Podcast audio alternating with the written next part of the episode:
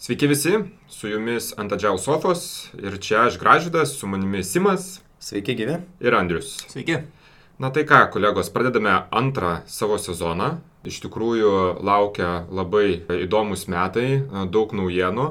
Ir, na, visų pirma, tai norim padėkoti visiems praeito sezono klausytojams, kurie mums teikia grįžtamą į ryšį ir mes tikrai pabandysim jį atsižvelgti ir šį sezoną galbūt daryti šiek tiek kitaip. Šiandien pradėsim nuo temos, kurią pagvildensim visi trys, būtent mes, bet šį sezoną norime turėti daugiau svečių, kurie, na, yra galbūt ne agile coachai, scrum masteriai, bet tiesiog įmonių atstovai, vadovai, kurie bandė šitos darbo metodus ir galės papasakoti, kaip jiems sekėsi, kur jie galbūt turėjo iššūkių, kur jie mano, kad jiems pasisekė Tai bandysim palaikyti tokią šio sezono liniją, bet šiandien pradžiai pradėkim nuo tokios apšilimui pakankamai lengvos temos galbūt ir uh, ji vadinsis taip, kaip suburti agile komandas. Tai iš vienos pusės atrodo paprasta, iš kitos pusės labai plati tema. Tai kaip suburti tas agile komandas, kam? Sveiki visi dar kartą, ačiū Gražvidai už tokį puikų pristatymą. Ir šiandieną tikrai turime įdomią temą, kuri gimė taip visai neplanuotai. Mes trysę kalbėjomės, kas galėtų būti aktualu šiai dienai, šiom dienom visoms organizacijoms, visoms įmonėms ir kalbant apie naujų komandų subūrimą, tai turbūt kiekvienas iš mūsų susidurėm, kad arba mes prisijungiam jau egzistuojančią komandą, arba mes prisijungiam į visiškai naujai būriamą komandą. Ir kas yra svarbu, į ką atkreipti dėmesį, kaip nueiti tuo teisingesniu keliu. Galbūt nėra vieno teisingo kelio, bet toks teisingesnis ir sėkmingesnis kelias. Tai būtent šiandien apie tai ir pasikalbėsim. Tai pabandysim pasidalinti savo patirtim, nes iš tikrųjų turbūt e, matom, kad na, pastaruoju metu Agile tikrai populiarėja ir vis daugiau kompanijų tas komandas būrė. Bet aš galbūt norėčiau šiek tiek atskirti du dalykus. Jeigu pritarsit e, kolegos, kad šiek tiek skirtumų yra tarp to, ar mes, na, Agile komandą būrėme nuo nulio, Tai reiškia, kad ateinam galbūt į augančią kompaniją, ar ne, kuri samdo daug naujų žmonių, statosi komandas ir na, norės kažką tai teikti, kažkokią paslaugą arba kažkokį tai produktą gaminti.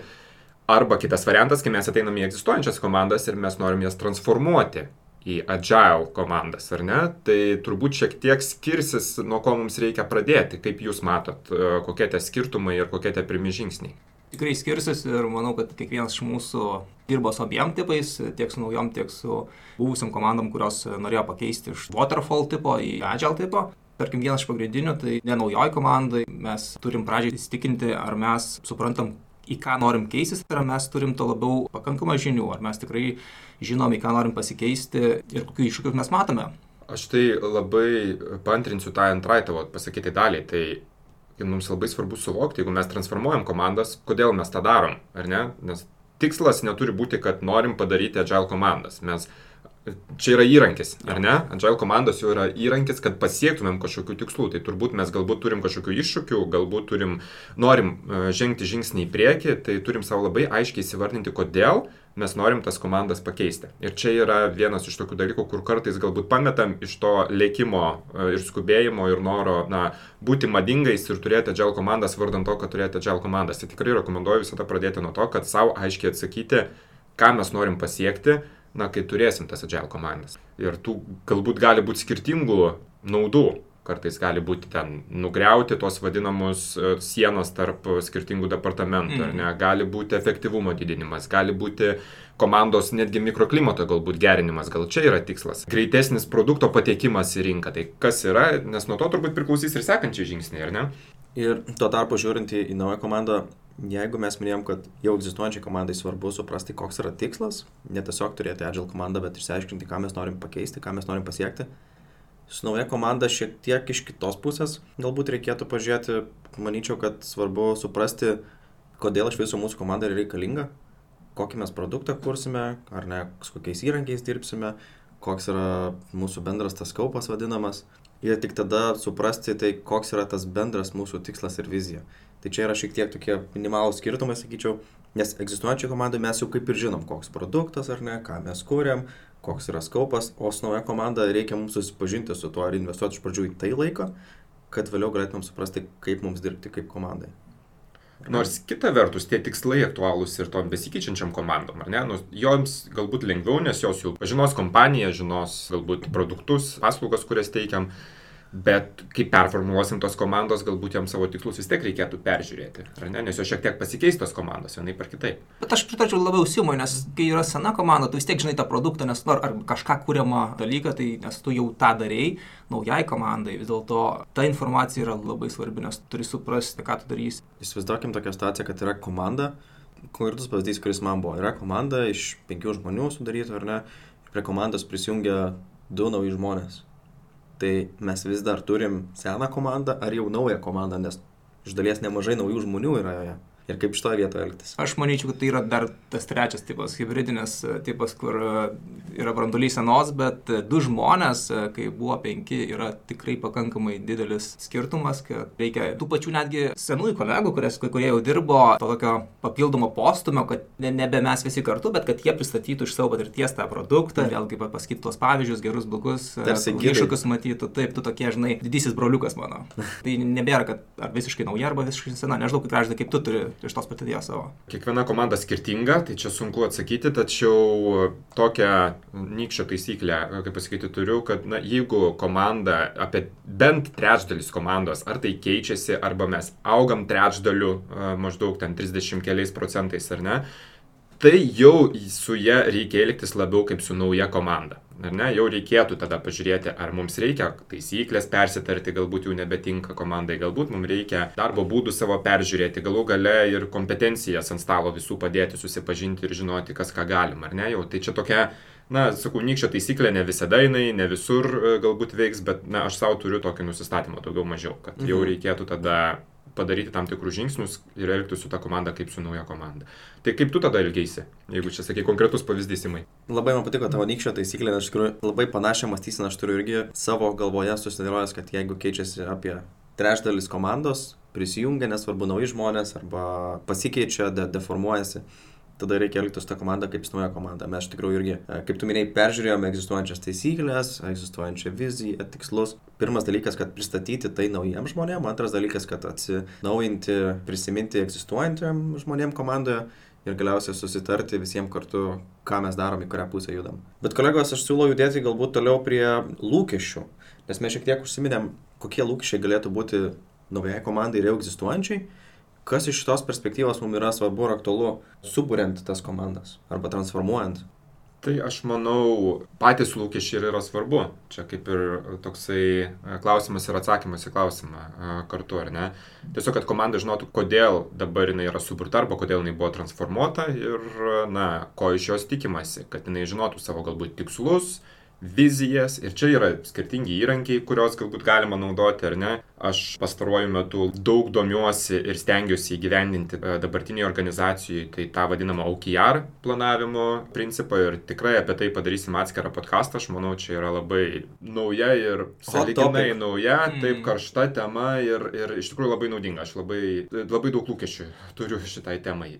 Galbūt, jeigu ne tą, galbūt naudosit tą vadinamą vytimom, ar ne, principą, na, bet kažkaip tai mums nusistatyti savo komandos vizijas, tikslus ir lūkesčius reikia. Tai rasti geriausią metodą savo, bet, na, tų būdų yra skirtingų turbūt. Mhm.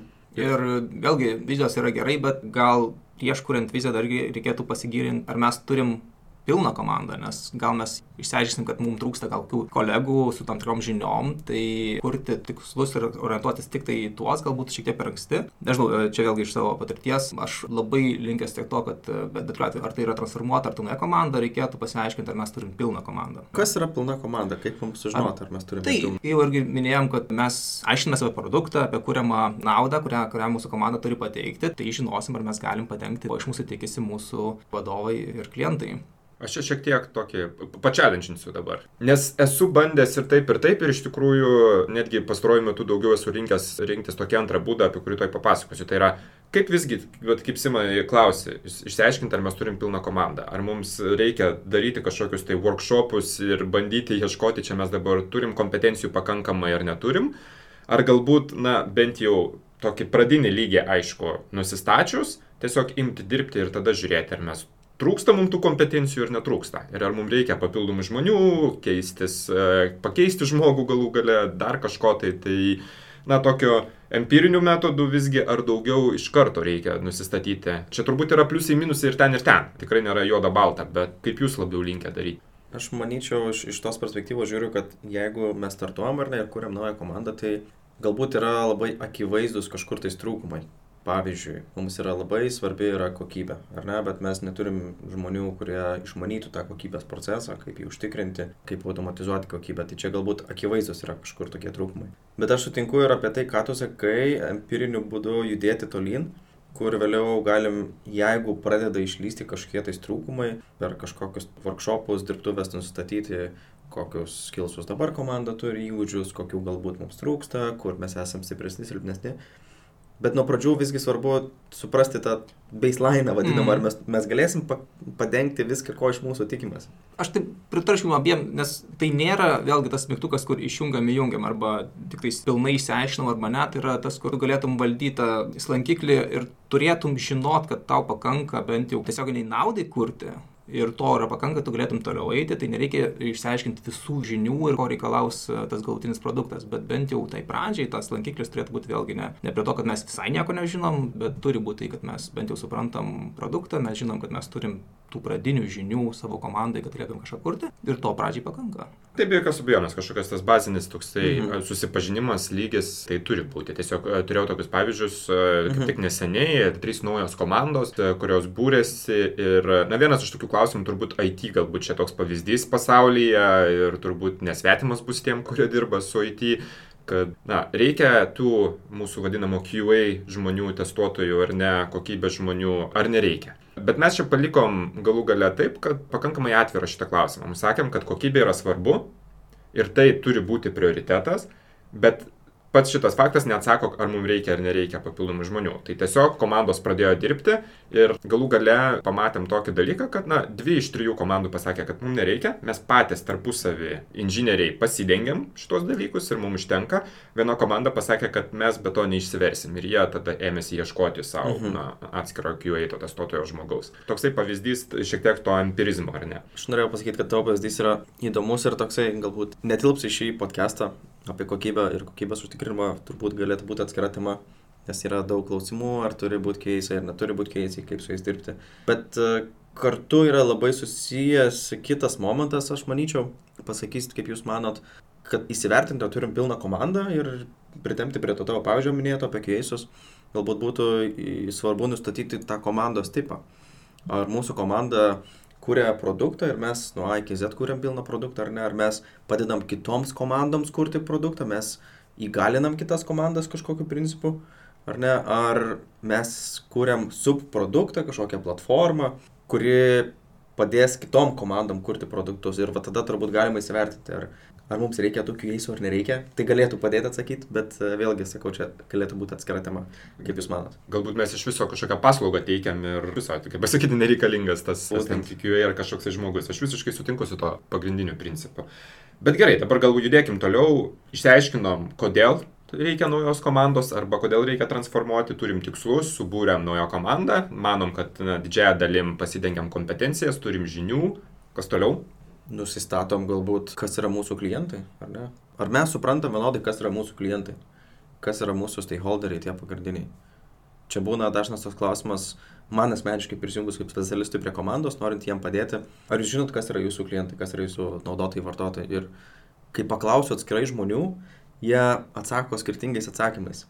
Ir į ką tai veda, tai kad mes kaip komanda nesuprantam visi kartu, kas naudojasi mūsų kūrėme produktą arba paslauga ar ne ir to pasakoje mes ne, negalim dirbti kaip komanda, mes iš mhm. skirtingų krypčių žiūrim, galbūt tai kartais gerai, bet iš esmės mes nesam susivienodinę, susialaininę tarpusavį. Ir aš pritariu, nes labai svarbu žinoti vis dėlto savo klientus ir kaip ir tu minėjai, dažnas klausimas komandoje, Ir tikrai būna, kad net pasako, mes neturim klientų, nes niekas iš ne mūsų organizacijos nenaudoja to, ką mes kuriam. Bet klientas nėra tas klientas, kas ateina kažkas moka už paslaugą, klientas gali būti ir vidinės įmonės kita komanda, kažkas iš, iš to, kas naudos kūrimą produktą arba mhm. kūrimą įrankį ar, ar panašiai. Tai kartais tos diskusijos apie klientą labai naudingos, nes kaip jau minėjai, labai padeda visiems komandos nariam pažvelgti į didesnę apžvalgą, didesnį tą tokią viziją apie, apie patį netgi tą tipą komandos, apie kurią irgi jau minėjai, tiek ir apie produktą.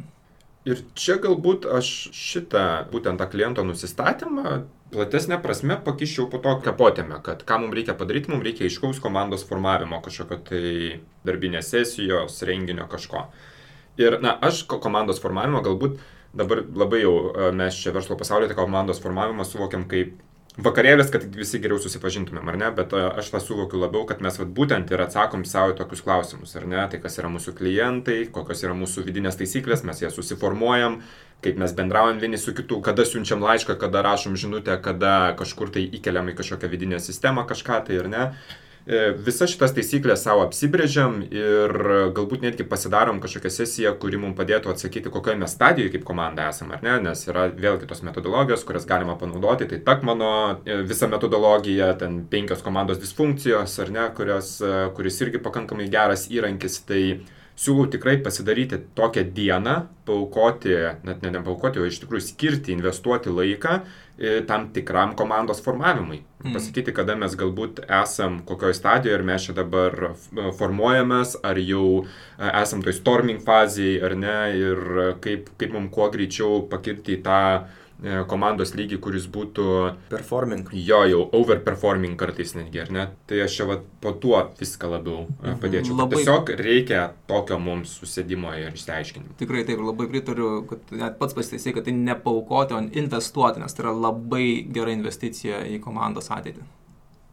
Teko, iš tikrųjų, nežinau ar jums, bet man tikrai teko prisijungti prie tokios komandos, kur nebuvo investuota į būtent šitą perspektyvą nuo pat pradžių ir, ir komanda nedirbau kaip komanda, dirbau kaip individai, individualų žmonės, kiekvienas savo su savo užduotim, nebuvo jokio komandiškumo, ko pasakoje ir kokybė, žinoma, nebuvo tokio lygio, kokio tikėjosi ir klientai, ir stakeholderiai, ir pati komanda nesijauti gerai, nes nebuvo iš esmės komandos, kiekvienas dirbo savo.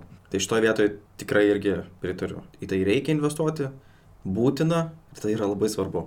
Ir netgi kaip paminėjai, jeigu komanda pradžiai į tą neskiria dėmesį, tai vėliau reikės kur kas daugiau pastangų, nes jau žmonės pripras ir komandos nariai pripras dirbti tuo, kaip ne irgi iShape, kur tai yra aš, ne, ne, kaip individas, nebe komanda. Ir parodyti, kad ta investicija ne produkto pusė, bet į komandos pusę, kad mes turim tobulėti kaip komanda, jiem jau atrodo, nu, o kam mesgi va čia dirbam ir jau kuriam tą naudą. Tai Mums ir būna sudėtingiau. Jo, būna labai sudėtinga pakeisti mąstymą apie tai, kad mes turim, taip mes turim produktą, mhm. bet mes esam kaip komanda ir mes turim irgi investuoti į tą tobulėjimą kaip komandos, ne kaip individų. Mhm. Kalbant apie tobulėjimą e, žmonių, ar ne, čia turbūt sekantis dalykas, ką labai reikia pasižiūrėti, visgi kalbant apie agile komandos subūrimą, ne bet kokių komandų, aš manau, kad na, tie tokie žingsniai kaip komandos formavimai, tikslai, na čia bet kokiai komandai gali būti pritaikoma, bet kalbant apie agile komandą, tai turbūt išskirtinumas yra, na, stengiamės turėti kuo didesnį kors funkcionalumą komandai, ar ne? Tai reiškia, kad visas žinias reikalingas produktui pateikti, paslaugai teikti ir, na, bet kam, kam mes norim tiesiog turėti kaip rezultatą.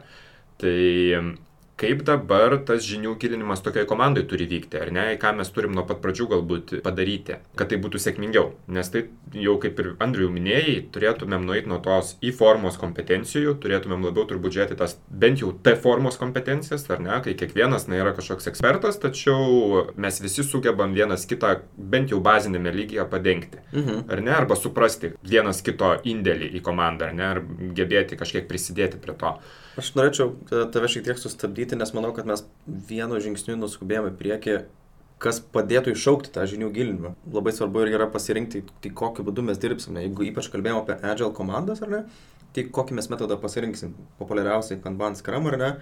Ir būtent dirbant šitais dviem metodais atsiranda tas komandiškumas, kuris priverčia suprasti, kokių žinių mums reikia, kad mes dirbtumėm kaip komanda, nebūtumėm iShape, nebūtų, nebūčiau tik aš, bet būtume mes. Ir tada mes galim kartu dirbti, ar ne? Mes galim kartu, galbūt per programinti, jeigu IT terminais, ar ne? Galbūt tiesiog kartu bendradarbiauti, kuriant tą vieną kažkokią detalę ar produktą, link siekti bendro tikslo.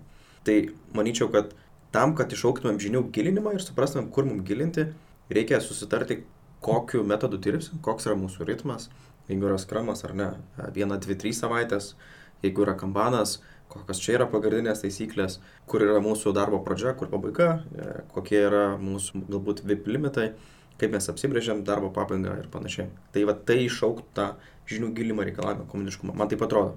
Kaip Jūs manote? Čia iš tikrųjų labai gerai, kad Simai pridėjai tą ritmo metodo pasirinkimą. Čia turbūt profesinė lyga, kaip duotybė jau viską priemė mane, nuskubėjom, bet iš tikrųjų čia turbūt turėtų būti po to netgi subūrimo komandos ar net tikslų nusistatymo, kaip pasekantis žingsnis, ko gero, būtent pasirinkti ritmą, pasirinkti metodą, apsibriežti pradinės bent jau taisyklės ar ne savo to darbo principų. Galbūt tada tik tas komandos formavimas turėtų eiti ir tada jau tas žinių gilinimas, ar ne? Tai labai geras pastebėjimas. Na bet ką, kiekviena komanda yra skirtinga, ar ne, turbūt savo iššūkių labai individualių gali kilti. Ir tikrai turėjau pavyzdžių, na pastaruoju metu dirbau ir su komandom, kurios visiškai ne IT pasaulyje e, kūrėsi, ar ne, ir e, irgi kūrėsi kaip cross-funkcinės komandos. Nors tas cross-funkcionalumas buvo galbūt tiesiog pridedant produkto šeimininką į komandą ir, na kaip pasakyti, sugriaunant tas sienas tarp to, kas yra ten pardavimai ir e, tie, kurie, na, kūrėt arba delivery, pavadinkim tą dalis, ar ne, užteko galbūt tą produkto šeimininką e, pridėti, nors ten pakankamai daug reikėjo darbo padaryti, kad tai įvyktų sėkmingai, bet vėlgi visiškai kitokia kelionė negu būtų IT komandos, ar ne, kur mes kalbam apie QA, apie šitos dalykus. Ten realiai yra dvi kompetencijos, yra pardavimai ir yra kažkoks, na, tas delivery, ar ne, kompetencija. Bet savo iššūkių ir ten kilo, teko nemažai dirbti ir su tuo, e, kad užtikrintumėm kiekvienos rolės aišku suvokimo, kad produkto šeimininkas teisingai suvoktų mhm. savo rolę, kad tie delivery žmonės su, suvoktų vėlgi, kas yra jų vadovas, kas nėra vadovas, nežiūrėtų į produkto šeimininką kaip į vadovą, ar ne, tai tų iššūkių tikrai individualių kiekviena komanda turės, ar ne?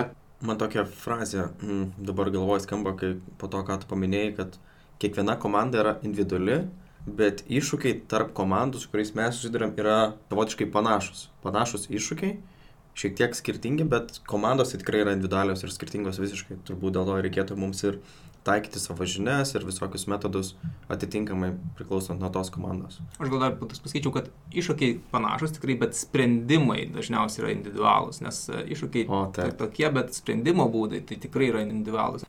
Aš visada turiu vieną tokį kertinį, jeigu manęs kažkas klaustų, nu tai vienas metodas ar ten įrankis, kurį reikia naudoti, kad komanda greičiau įsivažiuotų, būtent agile komanda, turbūt bet kokia komanda. Aš sakau, jeigu reikia vieno, tai tiesiog kalbėkite dažnai.